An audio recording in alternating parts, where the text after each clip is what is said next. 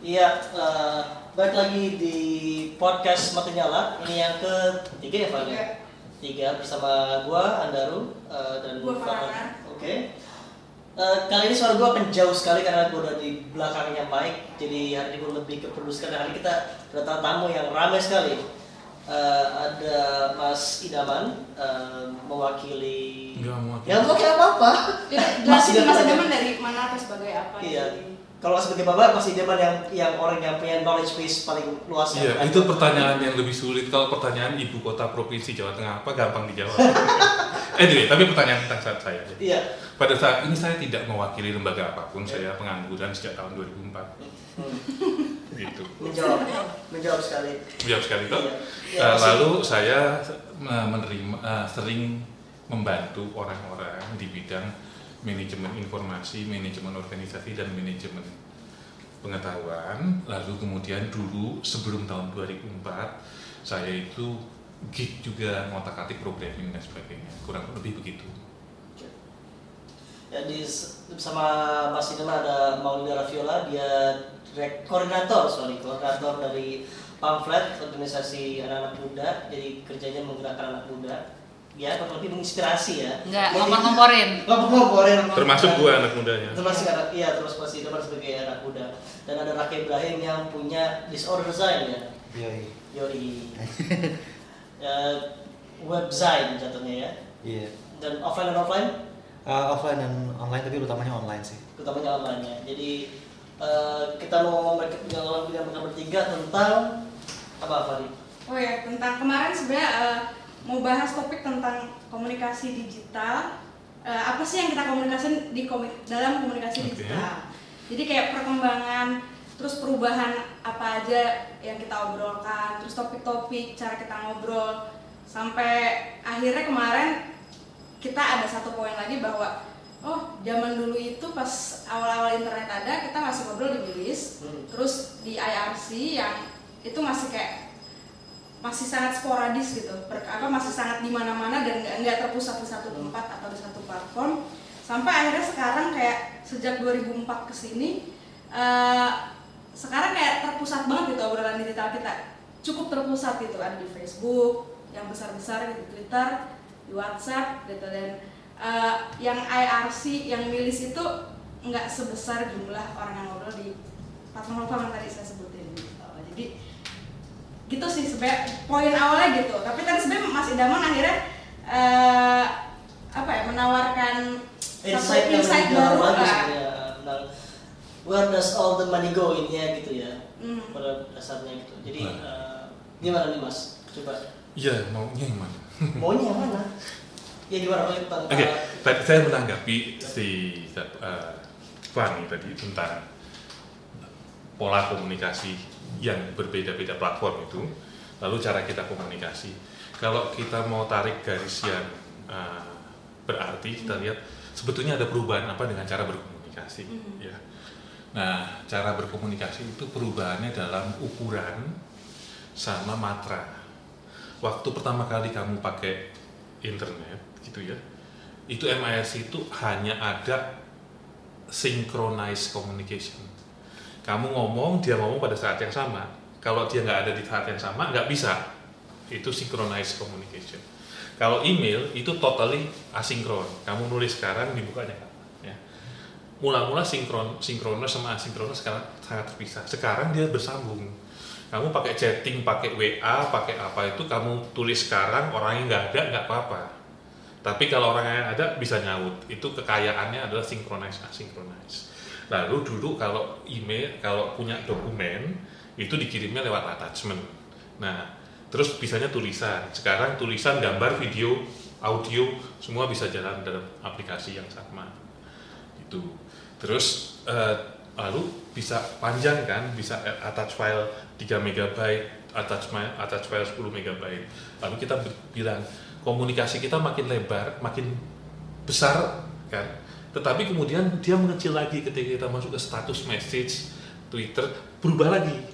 Komunikasi status message kan dibatasi Semakin semakin, kecil, Twitter semakin kecil. Tapi jadi kita diombang-ambingkan atau kita harus menavigasi ya, mengarungi perubahan matra yang kita komunikasikan. Nah, apakah perubahan itu membuat kita makin kaya atau tidak? Selalu ada pilihan. Gitu. Ketika di Twitter orang makin dibatasi 160 kata, ada satu fenomen di Twitter yang bikin sastra Twitter fiksi mini gitu kan. Ini kan kreativitas menghadapi itu. Tetapi juga ada pendangkalan. Orang apa bikin quilt cool tweet, kemudian cool tweet dikritik. Orang quilt cool tweet aja kok dijadiin bahan pembahasan gitu kan. Jadi reduksi maupun pendalaman bersiasat itu kalau ya. Tapi ini sebetulnya fenomen permukaan saja. Sementara itu lanjut dulu. Terus eh, sebenarnya kemarin ada pertanyaan juga, kayaknya seru nih kita kayak share tentang pengalaman personal kita sama komunikasi pertama kita di apa ya, ranah digital gitu. Apa sih yang kalau saya gue pribadi pertama kali itu pakai IRC. Terus habis itu baru pindah ke milis dan email. Jadi pertama tuh chatting gitu. Hmm. Nah jadi terus habis itu baru berkembang ke mana. Jadi kayak kalau Mas Idaman sendiri kayak apa? Ya, itu pengalaman kalau pengalaman saya jadi tidak menarik karena pada waktu zaman internet datang saya itu adalah orang orang IT.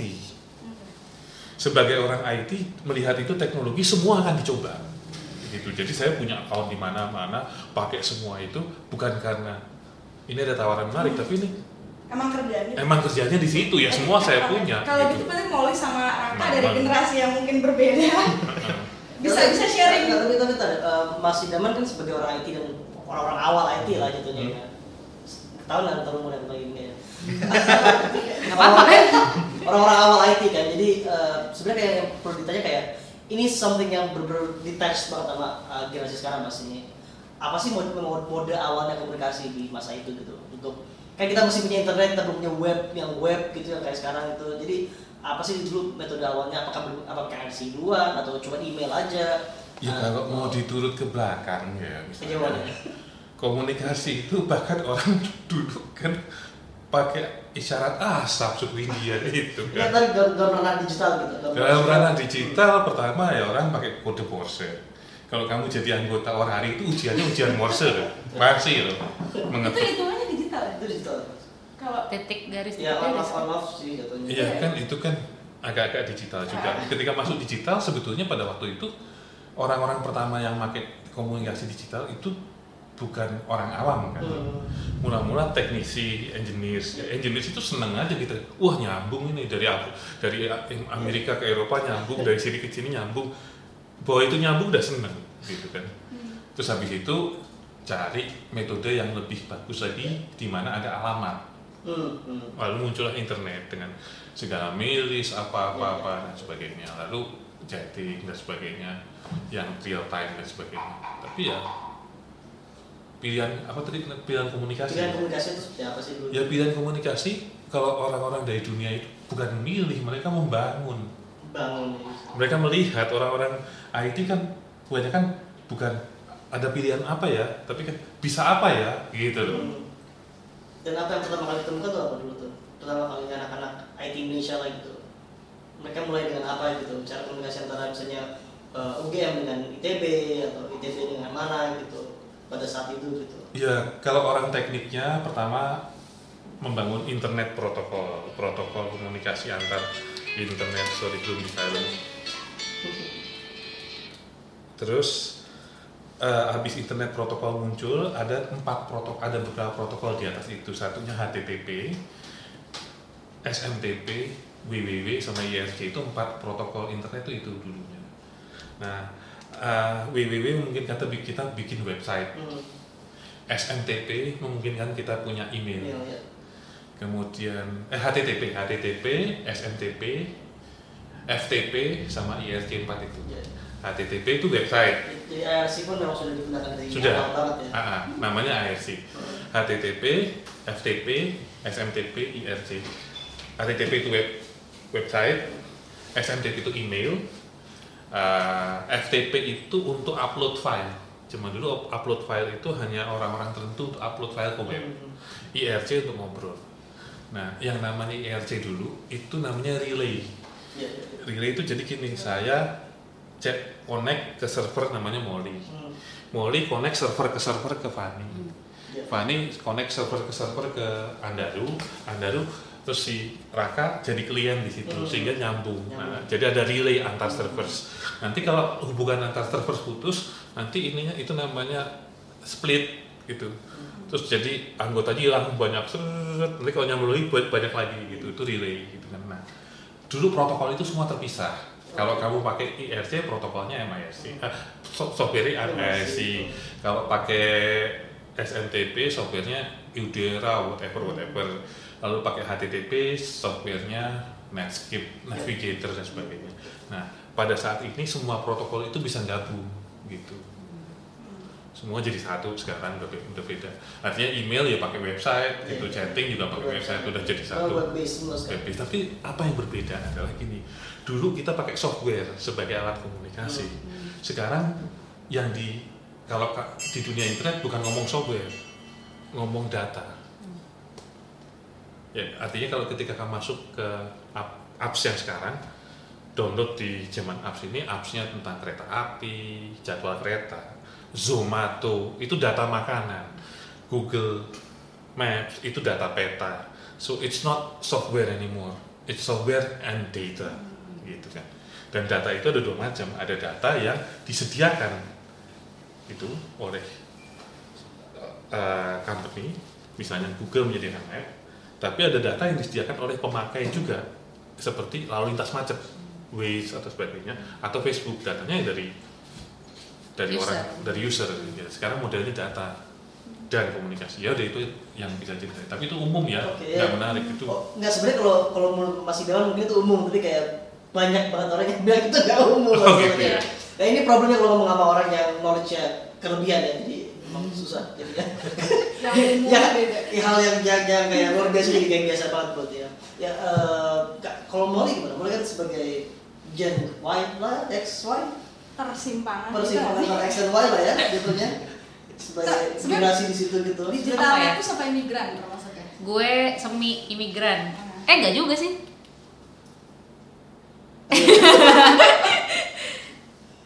Bukan native. tengah-tengah antara Tengah-tengah sih, Iya. imigran. ya, kayak internet lagi gede-gedenya dan ya kita terjebak di tengahnya gitu. Iya.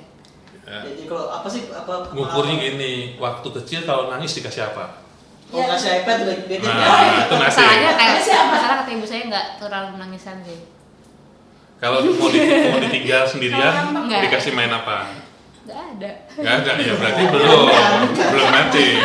Kalau natif itu waktu umur 3 tahun, Eh, kasih kasih tab kasih tab nonton iya, kartun. Iya, iya. itu natif itu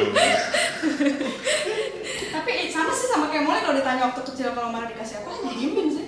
Iya siapa gitu kan. Iya, gitu iya, okay. iya berarti dia bukan digital natif. Gue paling harus ada buku lah ya. Bersaing dia seperti kasih suruh cari hiburan sendiri lah. Ya jadi kalau boleh apa sih kalau di apa ya? Sama sih kayak Fani tadi eh, terus itu apa? SN SMP iya, eh, ya, SMP uh, 2001, 2001. 2001. mulai 90-an akhir lah. Mulai umumnya internet oh. Indonesia lagi guys. Oh, kalian SMP mainnya internet gitu ya? Udah mulai, iya. Ya, udah masuk sih. Eh, gue tahu kan dulu.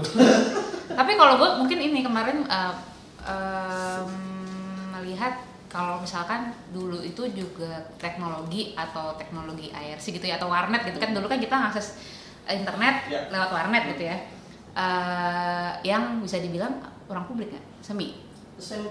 atau sebenarnya enggak ya itu kan jasa Ya. jasa tapi lo di sana ada orang-orang banyak gitu tempatnya samping-sampingan komputer Semua jatuh semi publik dan publik sih. Kan Zaman dulu kan warnet akhirnya muncul komunitas-komunitas baru gitu anak SMA Oke. yang suka di warnet-warnet akhirnya mereka pun juga jadi wih anak net gitu dan mereka punya uh, geng-geng sendiri, komunitas sendiri dan Oke. Ya semi publik harus dibilang gitu. Terus jadi pamflet itu ya? enggak. Enggak gue sih kalau kalau mikirnya ketika gue ngakses itu waktu itu SD kan.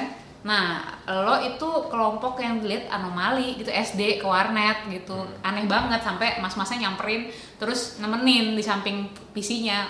Mau Modus buka apa deh gitu. enggak. Wah gila kali anak SD dimodusin mau buka apa? Eh, apa? Sukanya apa gitu sampai dipandu gitu. Jadi dulu tuh warnet tempat yang segmented bahkan dari usia bukan cuma kelas gitu. Tapi sekarang tuh ya udah jadi kan dia bener-bener bisa diakses semua kelompok kan. Ya semua dalam tanda kutip ya semua kelompok. Maksudnya anak-anak bocah juga sekarang ke warnet itu satu. Terus apa ya tadi? Gue juga baru tahu tadi dari masih daman kalau kayak protokol gitu-gitu Iya, iya. ngebedain message ngebedain medium ya itu eh, apa ya gue nggak pernah terpikir sampai ke situ gitu. Kalau dulu kita bercakap-cakap lewat software dan bukannya lewat platform atau apps gitu tapi eh, yang terasa banget dari milis juga mungkin kekurasiannya ya. Kalau sekarang kan platform tuh cenderung jadi kayak lu bahas apa nih? Jadi kayak bisa luas banget gitu ke mana-mana gitu. Kalau dulu tuh ya udah lo misalnya mau bahas sastra oke lo bahas itu gitu. Oh, kalau itu bukan orangnya yang sekarang yang lebih nah gue nggak tahu gue nggak tahu. Maka Emang mungkin nggak mungkin nggak dengan semakin nggak itunya gitu? ah udah nggak kayak gitu lagi milisnya Enggak, tadi makanya tadi gue sempet juga ngecek karena udah lama gak buka milis gue buka Yahoo Groups gue membuka semua grup-grup gue. Terakhir kali aktif milis itu ternyata 2011-2012 kebanyakan milis-milis band-band waktu itu gue kebanyakan ikut band SMA SMA sama SMP Bunga Matahari. Masih zaman juga Bunga Matahari bahkan Bunga aja tuh aktif Desember 2015 Desember 2015 terakhir. Nah tapi kayak kebanyakan milis-milis yang dulunya aktif kayak milis sore White Shoes gitu-gitu terakhir kali aktif juga 2012 dan sekarang ya sama kayak Friendster akhirnya konten-konten yang masuk di situ konten kalau nggak konten bokep konten seks gitu pornografi Spam eh, lah pokoknya. spam ah, konten romance dating dan lain-lain. Nggak tahu gue apakah itu takdir dari segala sesuatu yang akhirnya jadi trash di internet? Gue nggak tahu. Jadi kalau ke orang ini ini sebagai justru kayak native lah jatuhnya ini maksudnya sebenarnya. Ini, ini menarik sih untuk lihat insight dari yang termutakhir dalam menggunakan media-media digital. tapi ada pas waktu kecil ngambek apa nangis dikasih gadget gak? Enggak, kalau gue, gue sih ngerasa kalau gue persimpangan dari generasi Y sama Z ya. Adik gue yang benar pure digital native. Yang dari kecil dia sudah belajar Terus bisa ya, abjad abis dong maksudnya apa dong? Habis ini Akan mulai lagi. aksen Kita lihat aja udah ke mana. Adik gue sih lebih kayak gitu. Kalau gue dari persimpangan, ibaratnya gue generasi yang masih tahu eh, kalau dari sisi musik ya gimana caranya, gimana rasanya ngeproduksi CD dan kaset, tapi juga generasi yang tahu gimana membebaskannya MP3 itu ketika dia pertama Hmm, kali hmm. muncul, gimana enaknya eh, tukar-tukaran file MP3 segala macam dan terutama sih yang pada saat itu lagi hot itu buat gue dua pertama media sosial dan kedua website-website yang nyediain download MP3 gratis itu yang paling seru gitu. dan ketika gue uh, grow up yang lagi naik itu Friendster sebenarnya Hmm. tapi gue sama sekali gak pernah nyoba Friendster pada saat itu karena gue nggak ngerti sama apa soal media sosial gue generasi gaptek banget dan gue baru mulai masuk ke situ ketika Facebook awal-awal 2008 2009 dan itu sebenarnya anomali yang paling keren Facebook karena dia sampai sekarang masih bertahan sementara begitu banyak media sosial lainnya di era, dari era segitu kayak MySpace gitu uh, Friendster apalagi yang masih bertahan dari era segitu yang masih punya consistently segitu gedenya orangnya yang masih dipakai bahkan sampai sekarang Facebook itu sebenarnya anomali kan dalam dunia media sosial menurut. Dan itu Saat itu ya. pada saat itu dan itu yang paling membebaskan salah satu fitur yang paling membebaskan adalah bahwa dia dia lebih ke Friendster itu public space lu berusaha untuk memamerin uh, sisi lu yang lu keren ke dunia itu pertama kalinya kita belajar cara pencitraan cara magic dan segala macam di ranah yang jauh lebih luas itu misalnya di Friendster pertama. Tapi di Facebook itu baru makin menggila lagi karena tidak ada batasan pertemanan yang bisa realistis lah di Facebook itu. Lu bisa dapat 5000 uh, friend waktu itu di Facebook. Kayaknya masih 5000 ya thresholdnya.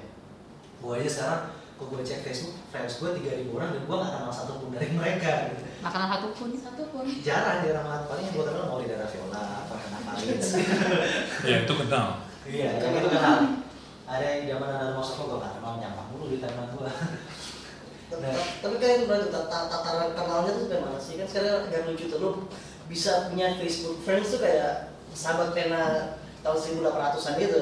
Lu Iya. punya hmm? Justru enggak karena uh, gue gak tahu ya apakah uh, face what, what is the psychology behind orang nge-add orang lain menerima dan kemudian nggak pernah ngechat. Gue punya begitu banyak orang-orang di Facebook gue yang kalau gue cek itu friends since 2009, 2008 tapi gue gak pernah sekali pun ngechat sama dia. Dan benar-benar saling like foto aja enggak sama- tapi gue aware uh, kehidupannya dia her apa foto Her ya, dia. Specifically ya, ya. Oh, iya. biasanya Semua deh kalau kata ya. Teman Nah, Facebook kan. Foto-fotonya muncul di timeline gue, gue tahu ketika dia di Indonesia dan sebagainya. Hmm. gue gue merasa seperti ketika di Facebook itu gue tumbuh sebagai generasi yang agak-agak voyeur gitu. Gue bisa menelisik jauh lebih dalam ke kehidupan orang lain yang gak gue kenal. Ya, Hmm. Itu ilusi.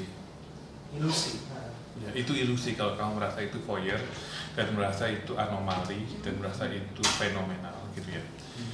Karena itu sebetulnya proyeksi dari dunia nyata aja. Kalau kamu tinggal di sebuah kampung gitu ya, di sebuah kampung, di sebuah kota, di sebuah kos-kosan pasti ada interaksi yang berjenjang. Ada teman yang deket sekali, ada teman yang kok cuma lo tahu mukanya doang karena keterbukaan orang berbeda-beda kan. Tetapi kecuali kamu punya daya intip yang ajaib, kamu nggak bisa lihat apa yang tidak ditunjukkan.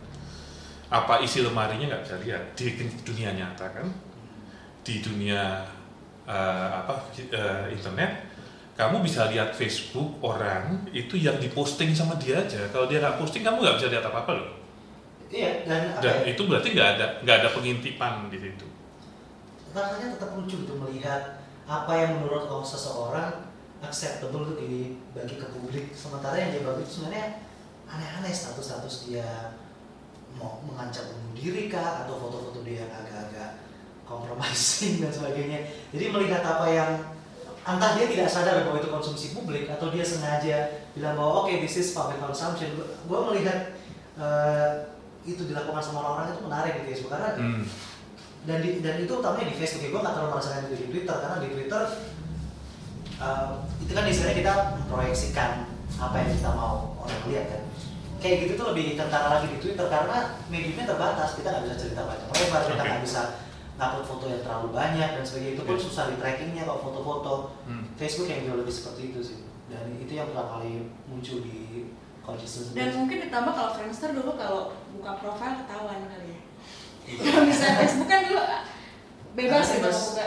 Dan satu yang menarik itu eh, zaman dulu Facebook itu jadi ajang yang jadi ajang pencitraan dan ajang magic banget ya karena ada satu fitur yang dulu menarik banget buat gue satu fitur eh, siapa yang paling sering mengintip profilmu jadi Oh, iya. gue nggak tahu itu beneran atau enggak tapi kadang dimunculin oh, Dulu si sempat ada tapi langsung di ban lagi sama sama Hmm. langsung di blok. sekarang muncul lagi Sama Iya. apa Twitter? Eh, di Facebook Facebook. siapa yang paling sering mengintip Hmm. profilmu gitu terus nanti langsung di taruh di status di mention satu persatu eh kamu sering ngintip ya Oh kalau yang itu kayaknya itu kayaknya nggak tahu sih kayaknya hoax ya. Kalau dulu pernah pas zaman zaman 2007 kalau nggak salah ada apps yang emang beneran. Jadi kita ketahuan tapi nggak dipublish siapa yang buka. Tapi habis itu nggak lama kayak cuman beberapa saat gitulah mungkin berapa bulan di blok sama Facebooknya. Hmm. Nah kayak gitu tuh gue ingat banget itu sempat uh, hot banget dulu dan temen gue jadi eh gue pengen kenalan nih sama cewek ini tapi dia sering ngekepoin gue nih wah seru-seru nih dan itu itu jadi aneh interaksi interaksinya jadi serasa lebih luas tapi sebenarnya sebenarnya lebih terbatas karena lu nggak mengenal orang itu betul-betul kan lu cuma lihat apa yang mau dia proyeksikan di dunia maya. Dan makin ke sini menurut gue persepsi uh, gue dan orang teman-teman yang sama-sama gue, gue punya teman yang seumuran beli bener dan persepsi mereka tentang orang-orang lain itu jadi lebih skeptis menurut gue. Kita lebih jauh lebih awas terhadap ide oh ini orang cuma pencitraan doang oh orang ini cuma mau nampang doang karena menurut gue subconsciously kita semua udah terlatih melakukan itu melalui media sosial gitu untuk mengkurasi apa yang akan ditampilkan ke publik apa yang akan dimunculkan dan intens banget loh interaksi sama media sosial pada masa itu terus tadi Mas Idaman yang bilang itu cuma ilusi itu kenapa Mas? Iya, kalau yang bilang pengintipan itu ilusi gitu kan. Karena di dunia fisik tetangga yang beneran, kamu kalau ngintip itu kamu harus bisa bolongin tembok, harus bisa naik atap dan sebagainya itu punya kamera terbang, ya kan di di dunia fisik. Di dunia internet kalau kamu mau ngintip orang, yang kamu bisa lihat itu hanya yang ditunjukkan sama dia gitu. Jadi bukan bukan ngintip namanya gitu loh seperti orang bilang stalking tuh sekarang anak Iya. muda sekarang bilang wah dia stalking kamu tahu nggak sih sebetulnya yang dimaksud oleh stalking Enggak. sebetulnya anak muda itu. Gini tuh kalau ada si siapa nih misalnya si Tini gitu kan pasang status di Facebook gitu kan terus nggak ada yang komen dia ini apa nggak dikomen sama orang yang disukain dia sama kelompok yang disukain dia dia akan bilang Facebookku kok ada yang nggak ada yang lihat gitu kan. Terus ada yang lihat Facebooknya tapi bukan orang yang disukain. Dia bilang wah dia stalking gitu kan. Terus yang dilihat tuh cuma yang ditampilin aja. Jadi uh, konsepsi kita tentang stalking, tentang ngintip itu jadi salah kaprah. Lu nggak pernah bisa ngintip kalau lu bukan hacker. Lu ngelihat apa yang ditampilkan, bahwa yang ditampilkan itu menurut lu berbeda dengan lu itu kejahatan aja. Every people are different gitu loh. Nah, internet memberi sedikit kebebasan untuk orang tampil lebih berani karena orang bisa anonim. Gitu aja, tapi nggak ada itu ngintip-ngintip dari mana ngintip. Ya, tadi itu menarik tuh ngomong berani ya berani artinya apakah berarti bebas atau berani karena apa gitu karena gitu. Begini, eh, salah satu eh, kemungkinan ya hipotesis gini di internet kenapa orang tiba-tiba orang yang nggak berani ngomong bisa status message bisa apa bisa apa. beberapa bagian dari internet itu di beberapa bagian di fisik itu itu filternya lebih kuat daripada di internet misalnya gini di dalam dunia kayak gini kamu nggak bisa masuk lapangan golf kalau kamu nggak kaya raya. Kamu nggak bisa pesta di Grand Indonesia kalau kamu nggak kaya raya. Di internet kamu bisa temenan dengan orang yang paling kaya sekalipun lihat profilnya ikut komentar gitu kan? Jadi filter pertama atribut fisik udah bobol ya kan? Filter kedua muke gitu kan? Kalau misalnya mukamu imut-imut di antara orang dewasa kalau beneran lu anak SMP anak dewasa ngumpul belum tentu lu berani lawan om, om dan tante-tante itu tapi kalau di internet fotomu nggak begitu kelihatan umur lu berapa apalagi kalau yang, yang, lu- yang lu pasang foto kembang atau foto kartun kan Iya. jadi internet mencopot filter-filter penghalang itu untuk berinteraksi, maka orang lebih berani. Apalagi orang bisa bikin account yang anonim, itu aja. Jadi aslinya lebih jauh kelihatan. Tapi apakah itu freedom of speech? Ya. Pertanyaannya berikutnya itu. Saya kira freedom of speech masih jauh karena toh ada penindakan, gitu loh. Ada penindakan di internet, misalnya, dan ada eh, ketidakamanan juga. Kalau nggak salah dulu ada kasus yang orang masuk penjara karena pelayanan rumah sakit, dia mengeluh tentang pelayanan rumah sakit. Hal yang sangat biasa, tapi dia dipenjarakan. Dan dia dipenjarakan bukan karena publikasi, karena dia email. Berarti email dia dibuka dong sama orang, gitu loh, dan dilaporkan. Pelanggaran privacy dan kriminalisasi. Perkara kriminalisasi di internet cukup banyak. There is, the freedom is not there. Sekarang bahkan bukan kekuasaan, a group sekelompok massa bisa menghakimimu entah itu positif entah itu negatif foto-foto kembang injek-injek kembang gitu kan terus di internet dimaki-maki dimarah-marahin gitu kan. Ya oke itu positif gitu. Tapi eh, ada yang negatif juga yang misalnya marah-marah sama kasus di Jogja Florence itu. Iya. terus kan kemudian diancam ini diancam itu. Kita ke- keberingasan masa ada di internet ini. Dan keberingasan masa yang di internet bisa berkaitan dengan keberingasan yang di kenyataan gitu. jadi freedom of speech-nya ilusi juga kalau kita merasa itu freedom itu ilusi tapi tapi itu menarik ya bahkan sebenarnya kita tuh baru baru baru aja gitu jatuhnya penindakan penindakan itu kasus berita yang tadi mas Hmm. eh, mas Ridwan bilang oh ya by by the way dia tidak tidak seperti penjara sih dia cuma ditahan Mhm. dan seperti dituntut tapi Iya. akhirnya tuntutan berkurang dan dia akhirnya eh, bebas lah jatuhnya gitu dengan banyak bantuan dari berbagai Iya, macam bantuan tetap guilty kan tetap guilty tapi betul Iya. tetap guilty Eh, tapi menarik itu kan baru aja gitu internet muncul dari tahun ya kayak yang bilang 2000-an tuh udah muncul gitu kasus berita tuh pas kita kuliah ya itu 2006 2007. 2006 Enggak, 2007 ya bukan 2010. enggak jauh pas masih kuliah. pas kita masih kuliah pokoknya Itu 2006 sampai 2010. iya itu kalau pas semua kita kuliah kalau yang pas Perlu di Google. nah, nah, tapi poinnya kan eh, jadi kenapa baru sekarang gitu kenapa Kita- ada lag kenapa ada lag? ketinggalan Orang udah ngomong segala macam udah bercuat-cuap segala macam dari tahun 2000 sampai 2007 7 tahun itu nothing happen gitu. Tapi kita ngomong 7 tahun terakhir ini eh, kenapa tiba-tiba gitu? Ya, kajian-kajian seperti itu sudah dilakukan oleh berbagai pihak, bisa di Google, ya. Elsam, kemudian berbagai pihak, kemudian Internet Governance membicarakan tentang kasus-kasus itu dan fenomena itu. Tapi kalau di, di- di- mau dikejar juga kira-kira sekilas kenapa, memang butuh waktu bagi, kan ini yang bekerja siapa? Kekuasaan, kekuasaan formal maupun informal. politik, kekuasaan politik negara dan sebagainya. Negara butuh waktu untuk bisa memahami itu. Negara butuh waktu untuk membangun infrastruktur untuk ngatur itu. Ini masuk di menteri mana? Ini masuk di KUHP atau harus ada undang-undang khusus ITE. Jadi dia butuh waktu untuk mengolah ini sehingga dia baru punya giginya yang menancap sekian tahun sudah fenomena itu. Tapi soal itu sudah sudah sangat dibahas banyak gitu. Jadi eh, nggak terlalu barang baru lah. Gitu. Hmm. Yang barang baru ya duit itu tadi. Gitu. So kita mau apa? Jadi kita biasa kalau di, di podcast ini kita bisa potong setengah dong. dulu. Jadi kayak eh, kita akan break dulu bentar untuk Untuk yang satu ini. tiga satu ini. Oke lanjut jangan sini. Oh itu cuma anu aja. Iya jadi kayak tadi Break gua potong, kan? potong terus Oh. gua bikin jam sesi lompat biar nggak capek biar nggak capek orang. Jadi kan ini dua sesi topik kan. Oh, kirain breaknya setengah jam terus kita ke kita ke, ke hotel ke mana Nungguin iklan. Itu iklan ya. Eh, di anu di spa. Kasih waktu untuk merenung. Ya gitu aja. Oke Kita langsung masuk yang itu ya. Pikir Yang duit. langsung dulu langsung dulu. Ke- Iya. Oke kita balik lagi ke podcast. kali. Oh. Dadah. Dadah. Berpelukan. Hotelnya oke ya? Hotelnya oke ya? Iya, oke. Hah?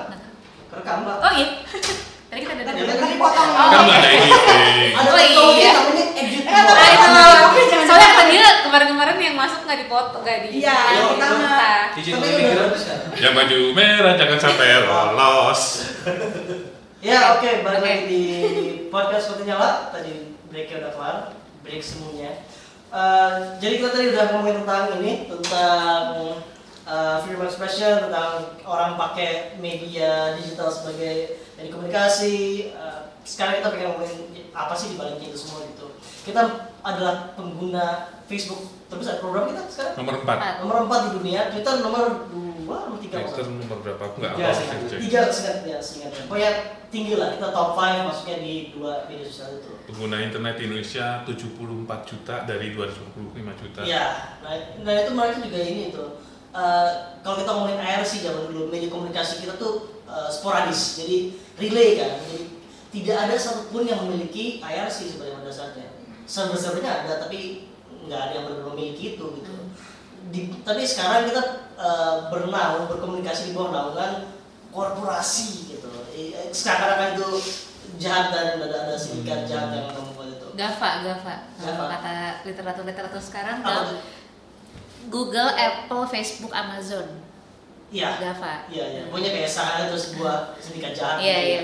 tapi itu media komunikasi kita mau sekarang mayoritas adalah menggunakan itu bahkan email sekalipun yang yang yang sebenarnya cukup bebas dengan protokolnya menggunakan SMTP dan lain sebagainya kita mayoritas pakai Gmail kan hampir semua orang menggunakan Gmail nggak tahu masih nyaman sih biasanya kalau masih nyaman kan Iya, Gmail. ya, Gmail. Sekarang gimana? Bahwa kita semua berkomunikasi bawah naungan sebuah korporasi itu menarik sih dan so what gitu masih nyaman tadi mau agak sedikit menjelaskan tentang so what nya itu gitu jadi Iya. gimana mas tentang Ini dan Pertama saya akan lihat dari riset. ya Di Indonesia cukup banyak penelitian tentang itu, tapi penelitiannya sudut pandang dan pelakunya dan kepentingannya adalah market. Market riset oleh perusahaan ini, perusahaan ini memeriksa pangsa pasar, penggunanya, demografi. Ya, tapi yang di luar eh, riset market masih sangat sedikit. Dan ini soal ya, harus ada riset-riset yang lebih dalam dari sekedar market riset statistik pasar. Oke? Nah, bukannya statistik pasar tidak berguna, tapi ada riset lanjutan yang diperlukan. Satu hal itu. Nah, yang kedua, kita akan melihat fenomen itu dari segi uang dan itu nggak sesimpel lebih dari sekedar perusahaan Facebook. Tapi begini, setiap kali kita banyak pengguna internet ini, apa pun yang kita lakukan, ada uang yang secara langsung atau tidak langsung mengalir. Nah, uang yang secara langsung tidak langsung mengalir itu adalah kita bisa lihat dari hardware, software, bandwidth, sama services. Nah, empat komoditi ini. Oke. Hardware. Setiap orang mau pakai internet, ya, itu bisa pakai PC, bisa pakai laptop, bisa pakai smartphone, BlackBerry, tapi harus pakai hardware. Ya. Dan hardware itu dibeli gitu. Sampai suatu ketika di sebuah desa di Jawa Tengah di Gunung Merapi ada yang punya eh, desa binaan yang menghasilkan laptop dari bambu. Nah, baru ada perubahan. Sebelum itu terjadi, ya kita pakai Samsung dari Korea, pakai dari Taiwan, dari Jepang, dari Amerika. Sekarang juga masih sih. Masih sampai sekarang gitu kan. Dengan sekarang itu berarti uangnya ngalirnya ke mana, dari mana ke mana, kan? Yang beli gadget-gadget ini siapa? Orang Indonesia kan? Uangnya misalnya satu setengah juta, yang seratus ribu masuk ke anu, ke labanya gerai, tapi 1,4 juta mengalir sana ke Samsung. Samsung. Dari hardware uang mengalir dari Indonesia keluar Indonesia, nggak ada uang masuk ini, gitu. Nah dari software, ini kan Hardware. Ah, hardware sudah tadi ya. Hardware itu dari ini Oh, iya, ya kan. iya. Selain gadget ini masih ada hardware tambahannya. Eh, kaca, tempered glass ini impor dari mana? Terus charger dan sebagainya itu bikinan Monosari atau bikinan mana? Semua hardware itu kan. Termasuk hardware yang nggak di tangan user. Hardware di BTS. Towernya mungkin bikinan orang Indonesia, tapi pemancar BTS-nya buatan mana? Satelit itu buatan bikinan. Huawei mas. Hah? Huawei. Huawei apa segala macam. Ini hardware duit ngalir keluar. Software, software yang utama apa OS. Duitnya ngalir ke mana kalau ada duit? Misalnya gini, Samsung, misalnya kamu beli ini, Asus langsung dapat eh, OS-nya. Berarti Samsung yang nanggung, Asus yang nanggung, tapi duitnya tetap masuk ke sana, diambil dari daerahnya. Software duitnya ngalir ke sana. Apakah ada software yang duitnya ngalir dari luar ke dalam?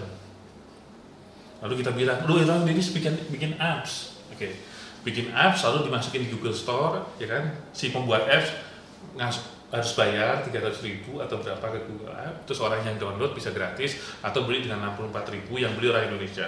Kecuali kalau kamu bikin apps yang dipakai oleh luar Indonesia misalnya. Jadi orang Indonesia bikin apps yang pakai Boeing, NASA dan sebagainya, misal, misalnya. Nah itu cerita lain, duit masuk ke sini. Itu dari software. Dari bandwidth. Jadi kan kamu harus connect ke internet. Kamu connect ke internet ke mana? Ke Indosat, ke Telkomsel, ke XL dan sebagainya. Betul kan? Lalu itu uangnya dari mana? Yang bayar siapa? Kamu bayar paket, gitu. Atau bayar internet bulanan. Orang duit kita yang masuk, terus masuk ke Indosat. Dari Indosat Indosat harus bayar lagi ketika dia connect internasional lewat kabel laut. Kalau enggak, kamu nggak bisa ke Gmail dong, gitu kan? Berarti duit ada yang ngalir juga dari bandwidth. Nah, services sekarang. Services itu kan jasa bikin domain, uh, hosting dan sebagainya. Orang bikin website kan di hosting, domain. Servicesnya di Mampang, di gedung cyber misalnya kan. Tetapi domain nanti harus bayar ke domain mana dan sebagainya. Ini perlu diselidikin. Uangnya ngalir dari mana ke mana. Ada nggak uang masuk dari luar ke dalam? Gitu. Nah, saya belum menemukan sebuah kajian yang komprehensif tentang uang keluar, uang masuk dan uang keluar. Tapi saya tidak melihat cukup banyak uang masuk ke Indonesia dari teknologi IT. Gitu kan. Ada uang masuk di Indonesia besar dari buruh migran, trafficking, sama eh, mie instan, kelapa sawit, Rokok. perkebunan kelapa sawit, rokok banyakan Balik mana? lagi. Banyak impor atau banyak banyak konsumsi dalam negeri atau banyak ekspor? Banyakan mana?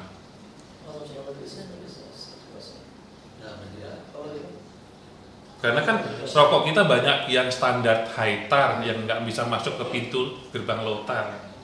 Anyway, eh, kita nggak ada de- uang masuk. Terus kenapa dipersoalkan? Karena begini, di ruang itu ada dua wilayah, software sama services, ya, yang sebetulnya rata kemungkinan.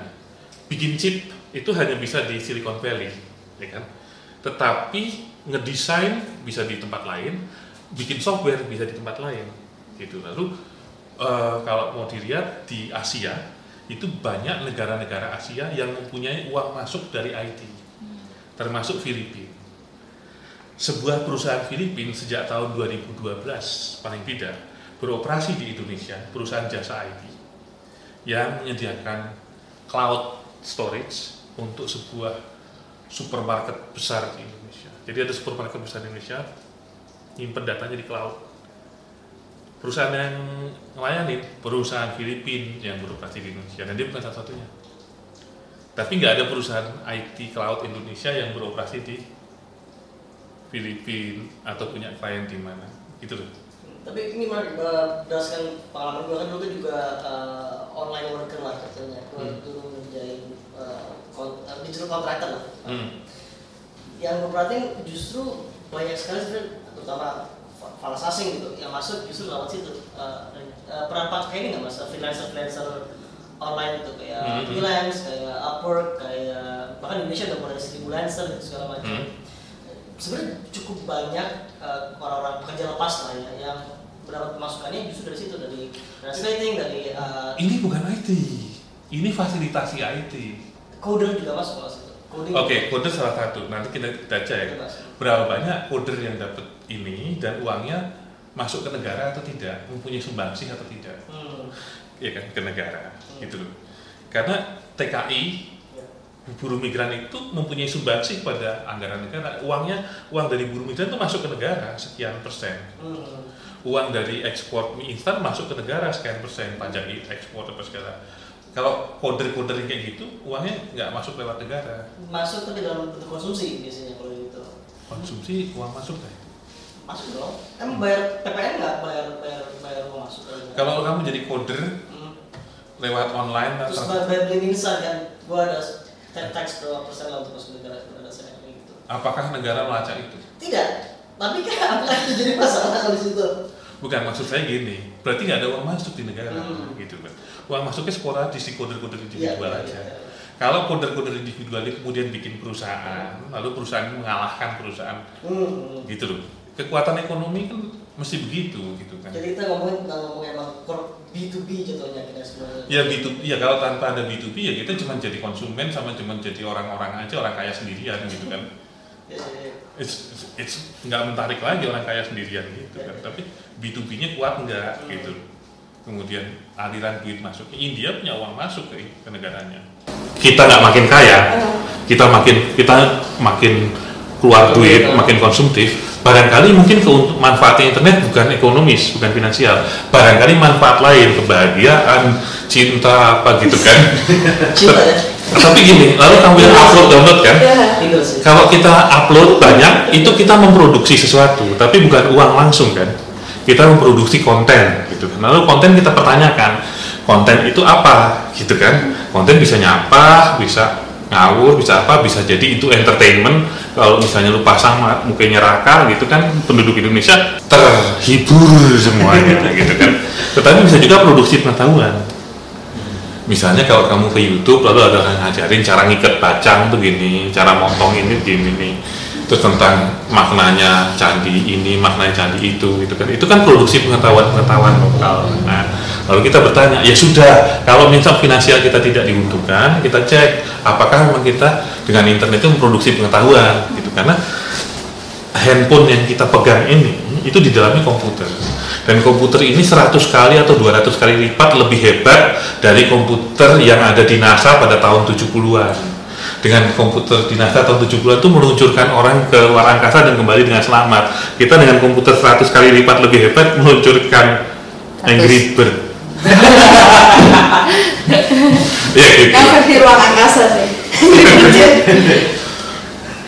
Oh, jadi, jadi itu jadi ngingetin gue, gue harus, gue harus meng- merelat salah satu artikel gue yang tentang iOS versus Android gitu tuh. Ya terus di, di situ gue cerita bahwa gue tidak bisa men-search di dalam, di dalam laman atau searching page di, di dalam uh, Safari gitu waktu itu. Ternyata bisa, cuman bedanya adalah orang yang memberikan HP-nya ke gue tidak tahu caranya itu gitu. Jadi itu lucu bahwa knowledge lo tentang gadget yang lo punya sendiri kadang terbatas banget. bahkan lu nggak ngerti gadget lu sendiri gitu. Exactly. apalagi lu mau produksi apa Iya, gitu yang kan. harganya kayak gitu gitu baru kayak harganya sepuluh kali lipat daripada harga HP yang lain gitu tapi itu perbiasaan di tempat lain kali ya untuk gitu Eh, jadi kalau misalnya kalau ngomongin ngomongin eh, content production gitu apa sih ma- maksud lo dengan quality content production apa yang nggak sampah sih sebenarnya sini gitu Ya, kita bisa buat begini ya. Kita punya 16 giga store internal storage di smartphone kita punya 1,2 GHz prosesor, kita punya bandwidth koneksi 2 MB per second, kita punya 5000 kontak, kita bisa akses sekian website. Itu material mentah, bahan-bahan masakan mentah. Lalu kita bisa memasaknya jadi apa? Bisa memasaknya jadi curhat? Enggak, itu enggak salah. I, ya, cuma genit aja. Kalau lu butuh teknologi sebesar itu untuk cuma curhat. Ya, kamu bisa dengar, bisa dapat entertainment. Tapi itu bukan produksi. Kamu bisa upload pencitraanmu. Kamu bisa bikin meme bercanda. Itu sah. Cuman yang lebih tantangan yang lebih jauh adalah produksi pengetahuan. Lalu produksi pengetahuan bagaimana mengukurnya? Lalu ukurnya gini uh, kalau bahasa Inggrisnya know how dan know why apa kamu jadi tahu caranya memasak ini? Apa kamu jadi tahu cara mengatasi persoalan tertentu? Kamu jadi tahu mengapa persoalan tertentu terjadi? Lalu kita lihat di masyarakat kita, apakah masyarakat Indonesia tahu mengatasi korupsi gitu? Apakah Indonesia masyarakat Indonesia tahu penyebabnya konflik-konflik horizontal? Apakah orang Indonesia ngerti konflik antara orang tua dan anak, antara teman sebaya? Apakah orang, orang Indonesia mengerti bagaimana untuk menumbuhkan anak-anak tanpa kekerasan? Atau malah semakin penuh kekerasan? Berarti pengetahuan kita bertambah nggak sih dalam mengatasi persoalan hidup? Itu bukan berarti situasi sekarang sangat buruk bukan. Tapi itu tantangan. Apakah dengan semua alat itu kita bisa makin atau mungkin Molly bisa berbagi Ya, gitu. Mainkan. dari pamflet.or.id gitu. Kan Sebenarnya- sebenarnya dan Raka itu sama-sama dari pamflet dan mereka adalah salah satu produsen konten yang cukup oke lah ya di sini apalagi masih zaman tentang konflik terus apa konflik horizontal itu mungkin pamflet kan pernah beberapa Oh ya mungkin bahas, ngobrol kan. dikit ya kita bisa bilang juga bahwa konten itu kan sebenarnya adalah uh, bentuk komunikasinya gitu adalah komunikasi message-nya kan sebenarnya. Jadi apa sih message yang di sama yang cukup baik gitu, yang kita bisa nilai gitu. Content itu apa menurut Molly dan Viola yang berjabat sebagai Koordinator. pamflet? Eh, eh, ini nggak tahu ya, boleh nggak nimpalin apa dengan Hmm. hal yang mungkin agak jauh gitu? Boleh, Tadi silakan. gitu. Nggak, maksudnya gue jadi inget eh, ada kan di salah satu acara gitu ya, eh, acara para tech atau geek-geek teknologi berkumpul di Jerman gitu yang ngebahas tentang kecenderungan media, jurnalisme sama internet gitu. Nah mereka bilang apakah eh, post Snowden gitu jangan-jangan eh, cara orang-orang mengkonsumsi informasi di internet itu juga apakah emang harus akhirnya kerja kayak intelligence eh, mengumpulkan informasi gitu. Artinya kita bukan cuma ngeliat baca terus oke gini tapi juga makanya mungkin kayak lo baca berita kan artikel terkait apa relate relate. jadi lo juga kayak membuat apa sih peta gambaran besar gitu dari satu situasi. Dan akhirnya lo juga ada algoritma ada apa ada trends gitu. Lo ngeliat ternyata Jokowi di saat yang sama naik tren BMW gitu misalkan. Apa sih keterkaitan antara dua ini gitu? Nah gua nggak tahu. Jadi mungkin kayak dengan adanya internet gitu makanya masih Daman juga ngomong apa sih sebenarnya benefitnya gitu kan eh, buat kita sebagai konsumen nggak tahu gue saya itu juga salah satu benefit gitu. Walaupun bikin mungkin bikin ada yang bilang internet sosial media bikin kita lebih bodoh dalam mencerna informasi tapi eh, kalau lo cukup punya apa ya eh, eh, enggak kalau lo berpikir positif justru itu banyak benefitnya gitu loh. Artinya dia memberikan lo kemampuan untuk berpikir lebih besar gitu dari sekadar lo lihat artikel oke syahrini ini liburan ke Eropa. Terus tadi kayak di Yahoo tiba-tiba dari mana kah sebenarnya uang buat syahrini liburan ke Eropa ada gitu. Saya kalau lo mau gitu lo punya willing untuk kayak gitu tuh bisa. Tapi permasalahannya emang yang punya willing kayak nah iya gitu. makanya apa gitu. nah makanya pamflet kan eh, dengan kalau kita kan isunya hub gitu kan Hmm. kita juga berusaha misalkan dengan video dengan artik- artikel dibuat listikel dengan agregator ham gitu. Kita berusaha ngajakin anak-anak muda buat melihat kayak gitu gitu. Apa sih hubungannya misalkan ternyata 65 sama apa ya misalnya putri Indonesia yang pakai kaos palu arit misalnya Iya. gitu. Jadi kayak ya kita pengen ngasih lihat kayak gitu. Tapi nggak tahu deh menurut Raka gimana gue rasa sih Raka sekaligus eh, koordinator websitenya pamflet juga selain dari Ardio website, Bisa website, website pamflet yang sedang down karena diserang hacker internasional. bukan dia bandel nggak ada trafficnya. Websitenya hacker banget jadi di server kita ada satu jadi server kita server uh, yang menampung banyak server blok-blok gitu. Nah ada satu blok yang bandel nyari trafficnya. Habis itu karena di blok dari servernya uh, dari hostingnya gitu Terus kita kena, kita kena gitu. Kita yang paling hancur. Kita kacakan Oh, iya. Anyway, uh, kan sebelumnya tahun lalu kita sempat bikin uh, riset sama kami Kominfo. Itu mau yang soal street culture. Jadi sempat bikin riset sama kami Kominfo dan koalisi seni Indonesia juga pamflet tentang kebudayaan eh, kebiasaan anak muda mengkonsumsi informasi melalui layar melalui smartphone melalui televisi melalui uh, online media dan sebagainya. Dan pertama-tama uh, benar bahwa banyak banget informasi seperti itu yang sebenarnya pengulangan itu udah bisa kita temukan di riset-riset tapi selalu riset uh, marketing. Hmm. Jadi riset seperti itu tidak pernah digunakan untuk jarang banget sebenarnya digunakan untuk konteks gerakan sosial atau untuk konteks apa kebijakan pemerintah atau semacamnya, tapi selalu untuk jualan. Jadi emang kita selalu memper- memperlakukan sebagai semacam konsumen pada konteks itu. Terus mengenai konsumsi informasi tadi, satu hal yang kita ditemukan adalah bahwa anak muda mulai muak sama banjir informasi itu juga. Ya sebenarnya itu resikonya juga mau dan kalau kita sekarang makin banyak informasi makin banyak yang berkorelasi kita nggak melihat dari satu sisi betul. Tapi kita juga bisa muak karena kebanyakan sisi. Sementara kita sudah pengen move on ke topik berikutnya. Buat mereka itu alasan kenapa eh, platform kayak Twitter misalnya udah mulai ditinggal karena Twitter satu terlalu bising dan dua terlalu politis jadinya.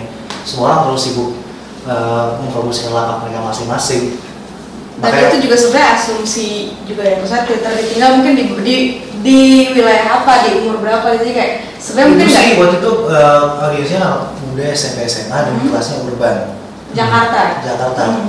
Oh, remaja kayak gue ya. Oke. Iya, Jadi makanya Kalau di perlu luar- aja. Kalau di luar Jakarta malah Twitter masih naik tapi Iya. steady. Cuman yang paling entrench banget itu Facebook tetap sih. Facebook malah kabarnya sekarang udah lumayan ramai lagi. Balik banyak yang balik ke Facebook. Iya. Banyak dari Terus? Facebook. Twitter yang malah makin Hmm. turun di daerah-daerah urban dan di luar negeri sih sebenarnya kalau Indonesia masih belum terlalu dari sini.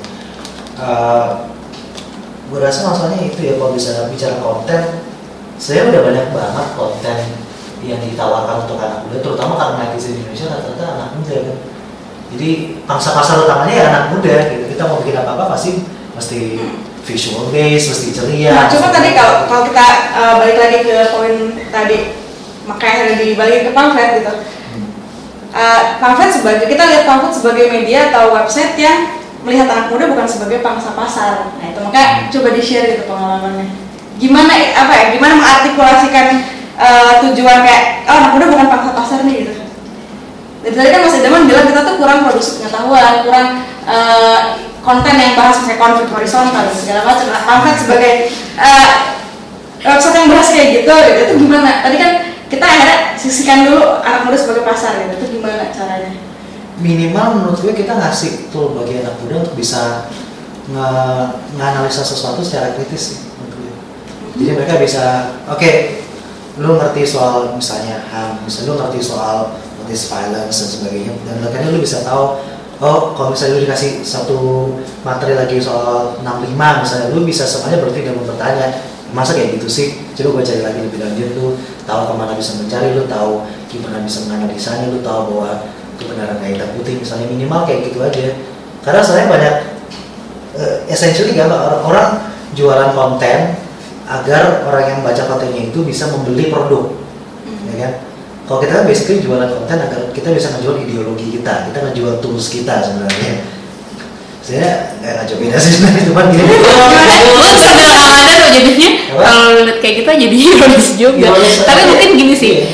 eh, nggak tahu deh maksudnya kayak konten alternatif alternatif gitu eh, kita kan juga ada profil komunitas gitu misalnya Hmm. eh, apa misalkan kelompok-kelompok atau isu-isu yang kurang dilihat atau dianggap nggak komersil itu yang kita tampilin nah gue nggak tahu itu bentuk suatu tawaran kah atau suatu eh, empowerment buat orang anak-anak muda yang di luar apa framing media mainstream ya gue nggak tahu Minimal kita ngasih tapi kita yang alternatif nah, kita, gitu. kita berusaha kayak gitu kalau misalnya ngasih direktur komunitas misalnya kita bisa tahu oke lu udah ngebet soal itu lu udah pengen tahu ini orang-orang yang bisa ngebantu lu cari tahu lebih lanjut misalnya jadi seenggaknya ya kita ngasih tempat ngobrol tempat cari tahu yang nggak biasa diangkat dan bukan saya ada. Ya oke tapi tapi menurut kan, kan gitu kan katanya kalau mau sebut Mas Idam kayak ini adalah dan bahkan kata Sundenya coba Peter Sunde Peter Sunde si Bay gitu bahwa freedom of expression is dead the web is dead lu udah gak bisa lagi berekspresi. Tapi di pamflet sendiri dan, dan kayaknya asuhan anak-anak asuhnya ini ini yang di Pembaca setia. pembaca setia. Sobat pamflet. Sebenarnya kalau mereka kalau kalau bebas ya kayak mereka tetap mencari konten seperti itu atau mereka tetap memproduksi konten yang agak sedikit. Kayak Bapak pernah bahas tentang ini kan uh, UKS yang tentang Tantera. yang antara negara ini kan apa? kayak suatu hal yang cukup bikin stir di, di, di media sosial dan segala macam. Tapi kalian bahas aja gitu implikasi kalian apa? Nggak nggak nggak terlalu banyak kan sebenarnya? Atau implikasi menakutkan nggak sih? Kayak gitu ide dia bahwa freedom of expression is dead bahwa lo nggak bisa nge-tweet dengan bebas bahwa lo polisi akan selalu menghantui lo. Yang lebih bikin gue takut kalau gue pribadi ya, yang lebih bikin gue takut tuh bukan uh, freedom is dead bukan karena kita serba diawasin atau uh, apa big brother apa gitu-gitu ya maksudnya uh, tapi karena itu karena akhirnya lo nggak bisa lepas dari demand atau dalam tanda kutip arus pasar. Artinya misalkan kita bikin konten nih ya kita oke ternyata yang disukain tuh model pendek-pendek listrik Ya. kali. udah kita coba. Nah itu yang bikin gue takut sebenarnya. Freedom is dead freedom is dead karena bukan bukan survei atau tapi atau net neutrality tapi karena itu iya kayak misalnya tadi bukan ADHD bukan ADHD Sekarang multitasking. bukan ADHD karena itu karena yang karena yang laku yang kayak gitu Iya, gitu. Yang bisa gitu. ya. diduitin yang kayak gitu gitu apa? tadi kan lu sempat bilang bahwa ironis ya ternyata tetap melihat sebagai pasar ya iya that's it. That's what we're afraid of. Kita nggak bisa misalnya gini deh. Bukan ADHD maaf bukan ADHD emang udah verifikasi ya kayak misalnya gini Bisa misalnya, diedit apa eh, kita mau mengangkat topik soal apa? Soal soal A misalnya. Dan untuk memberi pemahaman yang cukup soal itu untuk ngasih narasi alternatif misalnya yang cukup soal itu kita harus harusnya nih kita bisa ngobrol agak panjang nih misalnya Iya. tapi kita tahu bahwa kita ngobrol panjang nggak akan ada yang mau baca Hmm. harus pendek-pendek, harus listicle, harus visual based segala macam. Sementara setiap medium pasti punya keterbatasan masing-masing kan. Eh, kalaupun kita bikin, kita dulu menyiasatinya misalnya dengan tweet, tapi sekarang Twitter aja udah mulai ditinggal, tweet udah mulai nggak bagus. Ya kita kadang terbatas pada medium. Ujung-ujungnya pertanyaannya adalah apakah the original message yang mau kita sampaikan itu tersampaikan dengan kita menyiasati mediumnya tersebut yang harusnya bisa dengan laporan panjang ini apakah bisa tersampaikan ketika kita menyampaikan lewat artikel berbentuk list misalnya. Itu yang sebenarnya membatasi. Mungkin kalau tadi balik lagi ke mau balik ke masih daman ya mas, untuk menengahi eh, tengah-tengah antara kayak pamflet sekarang menawarkan eh, satu produksi pengetahuan yang mungkin nggak banyak belum banyak itu untuk anak muda konsumsi. Tapi di satu sisi eh, menurut Mas Idaman format format konten itu misalnya dari harusnya panjang artikel mendalam terus dijadiin pendek atau dijadiin meme atau dijadiin poster itu sepenting apa sih sesignifikan apa gitu format posisinya di mana. Jadi begini. Pertama, saya mau komentar tadi eh, ketelepasan atau eh, salah satu celetukan Raka bahwa pamflet men- juga menjual menjual ideologi sebetulnya enggak juga itu ilusi lagi kan. Banyak kamu di kamu belum belum semoga Belum jualannya bukan ideologinya belum kena halusinogen sudah berhalusinasi. Oke, begini. Kalau orang jual ideologi dan dibeli, ideologi itu hanya kebeli kalau dia ada alat penerjemahnya, yaitu agregat politik karena ideologi diterjemahkan oleh agregat politik menjadi menjadi arah kekuasaan gitu kan. Nah sementara kalau lu nggak lu nggak dibeli sama partai ideologi, ya nggak dibeli oleh partai politik ber- berujung pada politik ya lu belum bisa dibilang dijual ideologi. Mungkin lu menawarkan pemikiran alternatif menawar- menawarkan perspektif baru itu cerita lain gitu. Tapi itu uh, ter- nggak terlalu signifikan. Tapi lalu kembali ke apakah format? Kita format kemudian ikutin pasar begini-begini. Apakah pasar panglima? Itu tergantung dari posisimu di mana. Gitu. Kalau memang posisimu sedang membangun masa merengkuh orang mungkin kamu pertama ikutin itu. Tetapi apa forever apakah selalu selamanya kamu harus uh, menjadikan pasar dan fenomena pasar sebagai panglima dalam posisi lain itu bisa juga orang menjadi pionir tapi napasnya lebih panjang gitu. Dan uh, apa ya gini loh ada orang-orang yang nggak ngikutin pasar misalnya awalnya. Anak-anak yang pakai Vespa butut itu sedikit pun dia berlawanan dengan pasar gitu kan. Orang yang bersepeda itu sedikit sangat berpahlawanan dengan pasar pada tahun 2000 pada tahun 98 orang yang pakai sepeda ke kantor naik sepeda ke mana-mana ih apaan sih? Gitu kan. Tetapi tahun sekian makin banyak makin banyak makin banyak tapi awalnya bikers itu bukan. Sekarang udah ada bantuan. sudah ada bike to work apa sekarang sudah pasar sepeda. Iya. jadi industri sepeda kan tetapi awalnya dia bukan ngikutin pasar gitu. Jadi ada ruang-ruang di mana lu bisa nggak ngikutin pasar lu mem- membobol jalan baru gitu. Jangan terla- jangan terlalu ini juga jangan terlalu merasa bahwa itu absolut gitu. Cuman memang langkah-langkahnya berbeda gitu. Pasti lu nyentrik nanti mati tumbuh lagi dengan kalau siap mati tumbuh ganti seribu ber apa berbunglon ria ya nggak apa-apa gitu. Tapi memang unstable bisa gitu. Dinamik lah gitu Jadi kita ngomong disruption tapi di tataran ideologis ya, bisa berat banget ya. Disruption Banyak.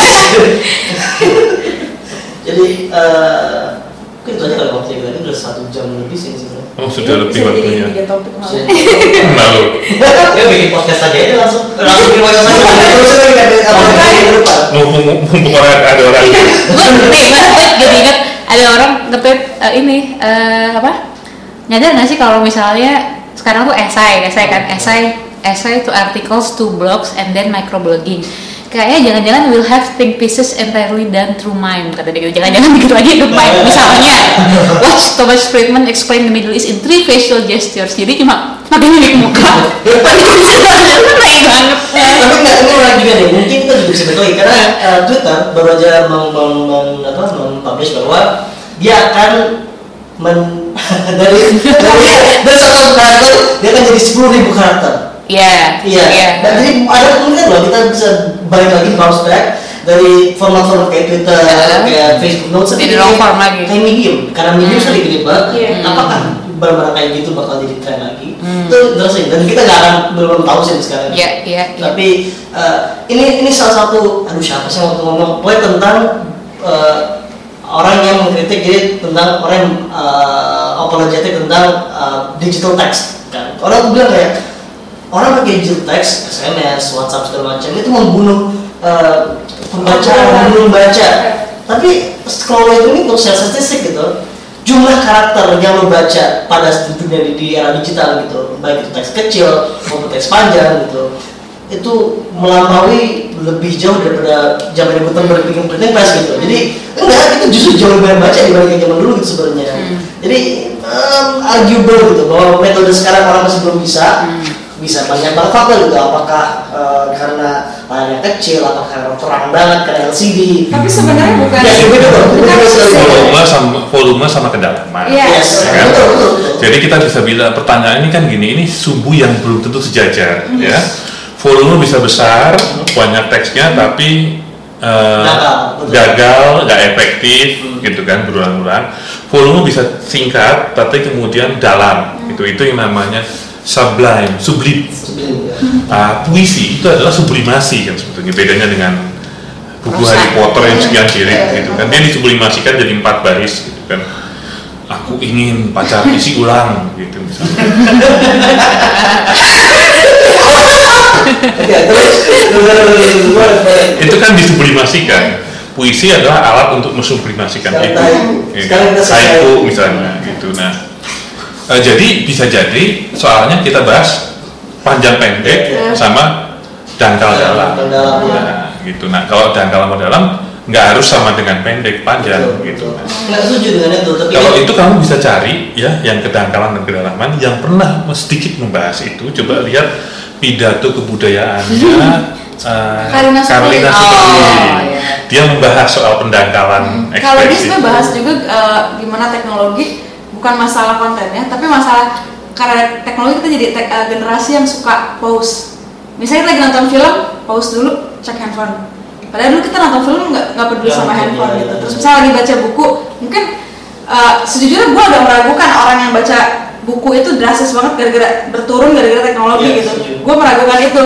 Jadi cuman mungkin yang ya itu benar kayak kata Karina Supli bahwa bukan masalah itu tapi orang jadi pause gitu. ya itu detachability. Jadi elektronik itu dari sejak zaman televisi, video kaset tape recorder sampai ke zaman internet itu, itu kita bisa detach. Beda dengan nonton live musik. Nah, kamu nonton, kamu dipanggil, mau makan dulu, ada tukang bakso, di pause, dimatiin dulu, kamu detach. Main game pun bisa dimatiin, di save dulu, detach. Nah, lalu lalu attach lagi add pada tombol kita. Nah, kenapa soalnya dengan itu? Kenapa itu dipersoalkan detachability? Kalau orang dilatih, terlatih dengan detachability hidupnya terus dari kecil main game bisa didetach, nonton di detach gitu. suatu ketika pada waktu remaja, pada waktu remaja itu dia akan berhadapan dengan hal-hal yang undetachable. Tapi dia terbiasa detach. Jadi misalnya gini, main, main TV, nonton, ah filmnya horor nggak enak, matiin. Hmm. main game udah mau kalah matiin. Gitu kan? tetapi ketika dia remaja dia sekolah misalnya SMP nilainya jelek ibunya sedih. Ini nggak bisa didetach gitu kan? Terus dia jatuh cinta sama teman sebangkunya waktu remaja hormonnya mulai berjalan apa segala kayak raka gini kan?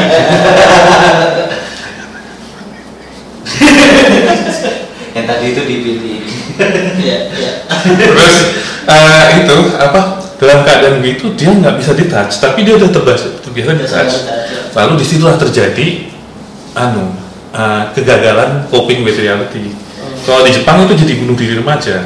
Atau hikikomori Eh, kalau di sini ya jadi jadi apa waktu Indonesia bagian galau gitu kan. Karena kita terbiasa detach gitu. Padahal kalau misalnya kita pergi rame-rame yang bukan elektronik pergi rame-rame sama teman gitu naik mobil kalau kita nggak seneng nggak bete kita di tengah jalan toh nggak bisa kita detach kan nggak bisa Iya. turun di situ kan. Per, eh, elektronik detachable sedangkan kenyataan itu sering nggak detachable gitu. Jatuh cinta nggak bisa detachable nggak bisa di pause gitu kan. Tetap kerinduan akan menghantui di balik awan Kita berubah dari teknologi menjadi filosofi dan cinta. tapi ya ngomongin detach itu pernah ada eh, dulu kayak senior agak jauh gitu jaraknya bilang ke temen kalau kalau mau eh, jadi ini ngomongin film sih kalau misalnya lo jadi pengen jadi penikmat film yang benar lu coba nonton film itu pakai kabel jadi lo nggak bisa pilih hmm. film yang ada di situ lo harus tonton Hmm. beda sama kalau lo nonton di DVD player atau di Hmm. laptop kalau sekarang gitu jadi lo film apa pun lo nggak bisa pilih maksudnya gitu kalau di kabel kan Oh. yang ada di situ lo ngikutin aja Ya, Mungkin itu nanti- teknologi menghadirkan detachability. Lalu apakah manusia bisa menanggapi detachability Iya. dengan secara positif? Gitu loh. Ini produk merenung dulu nggak? Kayak setengah jam merenung dulu. aku kan untuk gimana ngebagi topik tapi Tapi kan nggak ada gimana aja sebenarnya pada akhirnya dulu. Tapi nggak tahu ya apakah itu terbukti atau masih mitos aja gitu sebenarnya Bukan. Secara hipotetis jelas Iya. ada detachability di Iya. elektronik.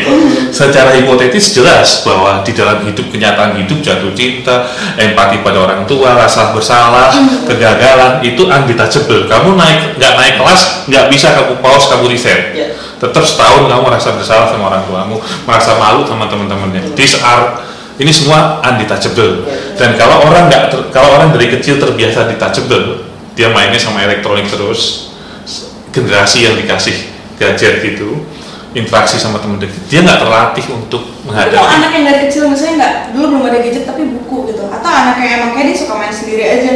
Di zaman zaman belum ada gadget gitu. Itu kan sebenarnya di- tampak detach juga gitu sebenarnya. Jadi kayak ini long before handphone dan smartphone. Iya tapi statistiknya jauh lebih sedikit gitu paling kan cuman sedikit orang aja cuman beberapa orang aja kayak gitu kan Nah, ini kan jadinya masalah generasional gitu.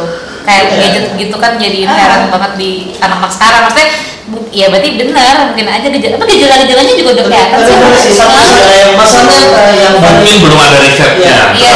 tapi kita kan tahu kan sama Albiers pada akhirnya pada pada waktu itu gitu. Anak-anak kayak itu Hmm. Itu orang aneh gitu pada masa pada masa Oh, itu. Iya. Saya lihat tapi suka Saya cuma di Tapi kalau dilihat sekarang sih kalau dari sisi konten kayak gitu detachability itu satu fenomena terbaru yang bisa membuktikan sih saya kalau dari sisi konten munculnya listicle. Jadi ada satu riset yang mencari tahu kenapa listicle bisa begitu populer. Ya, udah. List, list List articles, articles. List BuzzFeed dan articles. sebagainya. List Itu lebih menarik, yang baik yang paham tulistikel enam apa? enam ya kayak misalnya di BuzzFeed enam eh, alasan kenapa Oh, dia pelontos itu ketika dia pelontos misalnya satu apa dulu gitu. ya salah satu poin utama dari riset itu adalah bahwa ketika artikel tersebut berbasis list atau satu dua tiga empat lima enam orang tahu kapan artikel tersebut akan beres Hmm. jadi mereka bisa Oh. menghitung kira-kira mereka pengen nggak sih menerjunkan atau tidak. Misalkan udah sampai nomor 4 mereka bosan tapi udah tinggal dua lagi tanggung ah lanjut aja ya udah nggak apa-apa gitu. Itu alasan kenapa Listicle terkenal dan kenapa sekarang muncul satu metrik baru lagi kalau di analytics scroll depth. Kalau nggak Scroll depth seberapa jauh orang scrolling down untuk cari tahu Ya. itu. Itu nunjukin bahwa sebenarnya sekarang ini konten banyak banget dan sudah di tailor sedemikian rupa agar orang-orang tidak detach dari situ. itu fenomena sudah sangat universal ya antara tidak detach dari konten itu konten tersebut. Tetap dia tetap anu kan di eh, apa eh, sebanyak banyaknya konten itu scroll tip itu kan dia kan pendek Iya. Jadi dia sekarang langsung cepat. tapi nggak itu menarik sih. Mungkin kalau, kalau, kalau kalian imputasi adalah bahwa bedanya sama buku gitu. Menarik kalau kita ngomongin itu, itu quantifiable, terkuantifikasi. Ini adalah konten terkuantifikasi. 140 karakter, 6, 6 poin. 6 poin. Atau ngerti kan? Semua itu terkuantifikasi. Atau bahkan ini suatu artikel-artikel yang di atasnya ada tulisan reading time 1 sampai 2 menit. Iya, Terus itu lima kayak gituan gitu. Jadi mungkin emang anak-anak zaman sekarang suka statistik. atau butuh kepastian sih dari awal butuh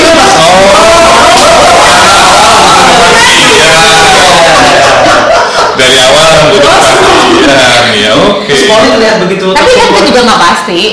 Itu juga nggak pasti. cuma sedikit Tapi- kepastian ya. ya terus udah tahu dari awal oh lima menit doang baca ini Oh, kurang lebih. Iya, Enggak, mungkin kan suka diyakin kan kayak eh, pendek kok, pendek kok gitu. Lo nggak bakal capek kok, lo nggak bakal ini cuma gitu aja. Iya. Tapi nih, tapi research itu harus boleh negasi kan. Hmm. Artikel ini cuma dikit atau style aja lu bikin satu konten yang muat di satu scroll kayak di 9 gag. 9 gag kan lu nggak perlu juga di satu aja. Iya. Jadi lu tinggal scroll down udah Nah, rata ini juga kayak BuzzFeed. Mau kayak gitu. Hmm. Kalau BuzzFeed kan udah bener-bener Ya akhirnya sih lari ke visual sekali gitu akhirnya akhirnya. ya, ya itu tetap detachable karena gini setelah lu baca 9 gag lu bisa matiin komputer juga Iya, aktivitasnya bukan konten. Iya. Ya, bukan konten gitu. Ini udah bukan konten. Ini touchable bukan di situ. Lu bikin konten yang supaya orang baca sampai selesai tapi lu pendekin gitu kan? Atau gitu. Tapi ini tetap detachable karena habis lu baca konten lu bisa meninggalkannya iya. gitu. Tapi kalau misalnya kau merasa bersalah pada orang tuamu karena eh, nggak naik kelas itu nggak ada lima menit lagi hilang gitu kan. Kamu akan hidup dengan itu sampai setahun. Ada orang yang misalnya drop out apa resign dari perguruan tinggi itu sampai 12 tahun dia nggak nggak bisa diterima oleh orang tuanya soal itu gitu kan itu kan betul-betul nggak ditouchable dia harus hidup dengan itu ya kalau kayak punya pasangan nggak lu nggak bisa ditouch pasangan lu dong Gimana? tergantung orangnya sih. Tergantung Tergantung jenis orang. hubungan. Tergantung Kalau jenis kita lagi hubungan. eh bisa nggak break 6 bulan dulu? itu yang penting kan ada kepastian tadi kepastian kan Itu kan kepastian. Mau lihat Mungkin, mungkin kepastian. makanya orang suka banget gitu ya sama internet dan teknologi ya karena gitu ngasih kesempatan buat lo detach gitu sementara kehidupan dengan masalah-masalahnya tidak penasaran sebenarnya jadi galau cari banyak kajian yang lebih tentang detachment itu apa apa detachable itu Iya, iya. kayak itu asumsi sebenarnya kan? Logikanya begitu. Ya itu pasti asumsi menurut gue gitu. Jadi kayak belum ada belum ada bahwa- pengukuran yang kayak makanya gue bilang kayak ya ini harus ada dicari eh, harus dicari riset-riset psikologi Ah. sosial psikologi tentang itu. Hmm. tujuan pertama yang dicari coba lihat di Jepang dan Eropa. Karena Jepang itu very sangat elektronik Ya. gitu toh jadi coba di Jep- Jepang cari siapa yang bisa bahasa Jepang cari bahan-bahan riset Jepang. Masuk di wilayah psikologi search lagi di situ ya kan? Ini tugasnya riset tar- ya, riset yang di luar market tadi gitu kan. Harus dicari risetnya kalau nggak salah Jepang pernah riset itu saya lupa tahun berapa apa yang kedua selain detachable itu sebetulnya emosi. Kalau kamu di ke alam nyata gini di reaksi, reaksi nyata tiba-tiba ada siapa raka jatuh berdarah gitu tuh kamu jatuh kaki kakinya luka berdarah kita kan gitu kan ada reaksi emosional ya yang ikutan gitu tapi kalau kita di elektronik gitu kita main game perang apa whatever namanya apa Counter Strike zaman dulu zaman sekarang Dota whatever itu kan kita nembakin tuh, duh, duh, duh, duh, duh, duh, buar masuk apa anu pesawat musuh Meledak. meledak, wah, hancur berkeping-keping gitu kan. Kita lihat sepeda tabrakan saja menjerit gitu kan. Di situ kita penghancuran, buah, buah, buah, buah, buah, gitu, nggak ada feeling sama sekali loh. Datar ya, duduk, duduk, duduk, gitu kan. Lalu feeling kita menjadi tertransformasi gitu loh. Karena kita dibiasakan lihat tembak menembak apa orang jatuh meledak itu tanpa emosi loh. tapi kalau itu Masih ada penjelasannya Masih nggak tapi kalau itu bahkan tanpa teknologi pun ada penjelasannya karena Nah, kayak itu. ketika lo dikasih kontrol untuk ngelakuin agresi tanpa dampak apa pun terhadap diri lo Bisa. dan orangnya itu lo nggak kenal lo mau Ya. itu kan ada kan yang di rebut Yang nyetrum itu loh. Mas. iya yang itu mi- Iya, yang apa, kursi sama kursi. kli- apa? Aduh gue lupa itu. Ya itu pokoknya itu. Miligan. Nanti akan dijelaskan Iya, ya. iya. lihat di bawah Ya, tapi Iya, tapi itu ada. tetap, itu mungkin masih ada masih ada ini loh, masih ada batas antara maya dan nyatanya gitu bahwa apa yang melakukan di dunia virtual dan sampai sekarang terus didebat dan terus terus di itu disanggah terus bahwa apa yang melakukan di dunia digital akan efektif gua di dunia nyata gitu kayak dulu kan GTA seperti ban di beberapa negara karena GTA Grand Theft Auto itu Hmm. itu game di mana lo bisa nyewa garage, lo bisa nyewa orang, bisa nyewa mobil dan semua dibenarkan di situ. Bahkan di sini sih emang mendorong lo untuk jadi kriminal. Oh, Grand Theft Auto. Grand Theft Auto ya sampai sekarang belum pernah ada aplikasi bahwa orang yang main Grand Theft Auto menjadi Kriminal kriminal di dunia nyata gitu dan hampir tidak pernah game world dengan real world itu selalu menjadi Tetapi dua hal berbeda. bukan bukan Kayak bukan. gini disalahkan juga kepada musik juga kan. Dulu musik. Heavy metal itu Jadi sama soalnya mungkin yang diselidiki bukan hubungan antara apa yang dilakukan apakah direplikasi di situ Hmm. bukan tetapi feeling gitu. jadi dia terba- terbiasa menghadapi hal-hal besar tanpa feeling Ya, gitu kan. nah di kenyataan kalau dia menghadapi hal yang besar yang kenyataan yang feeling mungkin dia lebih melankolis mungkin dia lebih gampang terpukul lebih gampang shock gitu Atau dia sosiopat gitu bisa aja ya. nah kalau ke sosiopat ya, ini keterlatihan feeling gitu kan. Dari kecil ketika kamu terlatih feelingnya maka kamu bisa bisa mengatasi feelingmu. Tapi ketika kita biasa nggak pakai feeling ketika nyataan harus pakai feeling betul ya langsung galau gitu. Jadi bisa jadi sebenarnya kayak games atau Kalau orang misalnya- internet itu jadi kayak alter tempatnya orang buat punya yang lain gitu. Kayak misalnya kalau eh, zaman dulu gitu ketika orang masih berinteraksi di internet masih anonim orang-orang kan banyak yang kayak kasar ngomongnya bisa jahat bisa kayak ngomong ke orang tuh maki-maki atau segala macam. Tapi padahal kalau ketemu orang asli itu orang yang baik-baik sopan nice. Itu alter itu keuntungan ya. Ah. tapi mungkin gini kalau soal feeling itu gini. Ketika kamu di internet saling maki-maki nggak apa-apa ketika kamu ketemu orang betul kamu terus dicuekin gitu itu kamu apa sakit hati gitu gitu loh kayak curhat ya misalnya contohnya ya. gitu. Gitu. itu kan perbedaan antara di apa di online. Ah, jadi bukan dia jadi psikopat tapi dia nggak punya toughness dalam feeling kemampuan menghandle feeling jadi kalau programmer Jadi gitu mungkin kita harus punya kayak double ini ya kalau orang-orang Ya, yang berinteraksi di dua tempat ya. feelingnya dihidupin terus bisa gitu. aja sih kita nggak bisa nutup kemungkinan buat kayak gitu. Maksudnya itu kan baru bisa dilacak sama anak-anak yang sekarang ini. Iya, kan maksudnya mungkin 10 baper. tahun lagi. Nggak soalnya gini gue sebel sih sebenarnya pakai contoh kasus individu buat mengeneralisir tapi lagi ini kasus tapi enggak bukan gue. Kan Ya. gue banyak ponakan-ponakan. Nah ponakan gue tuh ada yang misalnya intens main PS Xbox dan lain-lain. Terus dia kayak misalnya main Spiderman nih Spiderman-nya bisa bunuh atau bisa ngapain bisa ngapain nge-freeze apa segala macam tapi dia nggak mau. Dia bilang nggak nggak mau dibunuh kasihan. Padahal itu game kan dalam Keren. iya maksudnya nah itu kan padahal game doang bang. Lebay banget. Ya tapi maksudnya gue jadi mengevaluasi diri gue sendiri tadi. Oh iya ya gue mungkin dalam beberapa sisi karena kayak gitu biasa gue nganggapnya biasa orang game doang lo bunuh aja gitu kan musuh. Tapi ternyata orang bisa dulu bisa juga kayak gitu baper. mesti di, kalau nggak salah mesti dicari isi anunya. Kalau nggak salah ada pembaca pembicaraan semacam itu zaman dulu tahun 90-an 80-an 90-an kemudian akhirnya sejak itu game dibikin macam-macam jadi ada game yang apa salon Nah. big burger. burger apa segala supaya nggak ter- nggak kalah menang doang. Begitu? Gitu. Wak- waktunya makan malam Mungkin waktu makan malam ya jadi kayak Dari jam waktu sholat isya sudah. para bagi para pendengar kalau mau ikutan makan malam ditunggu di restoran. Iya. yang ada di layar kaca bawah anda. yang ada di layar kaca di bawah ini. Gitu kan. Kita tunggu sampai satu jam ke depan. Oke, jadi Karena tiap tiap siaran kita akan diakhiri dengan makan malam Iya. di Tapi anak sekarang tuh nggak terlalu paham. Woi, Anak jangan di bawah jadi mungkin jokesnya Ah, agak-agak jokesnya ada gitu. gap gitu. Eh, emang udah ada ya? Di sini tuh udah nggak ada Ya. ya. sekarang. Mungkin ya nggak udah nggak terlalu nonton TV gitu anak-anak. Nggak mungkin, itu urban sih kayak gitu. Mungkin. yang kayak gitu urban udah nggak Ya udah. tahu Tapi ya udah, pokoknya kita cut dulu di sini bukan berarti Siap. bukan berarti kita kelar, tapi kita cut dulu untuk ke sini. maksudnya mau diterusin lagi bisa jadi bisa jadi mutiara oke terima kasih semua semuanya uh, eh, gue Daru ya gue Farhana. Dan hmm, ya, Oli Idaman di sini. ya terima kasih. Dan sampai jumpa di podcast berikutnya.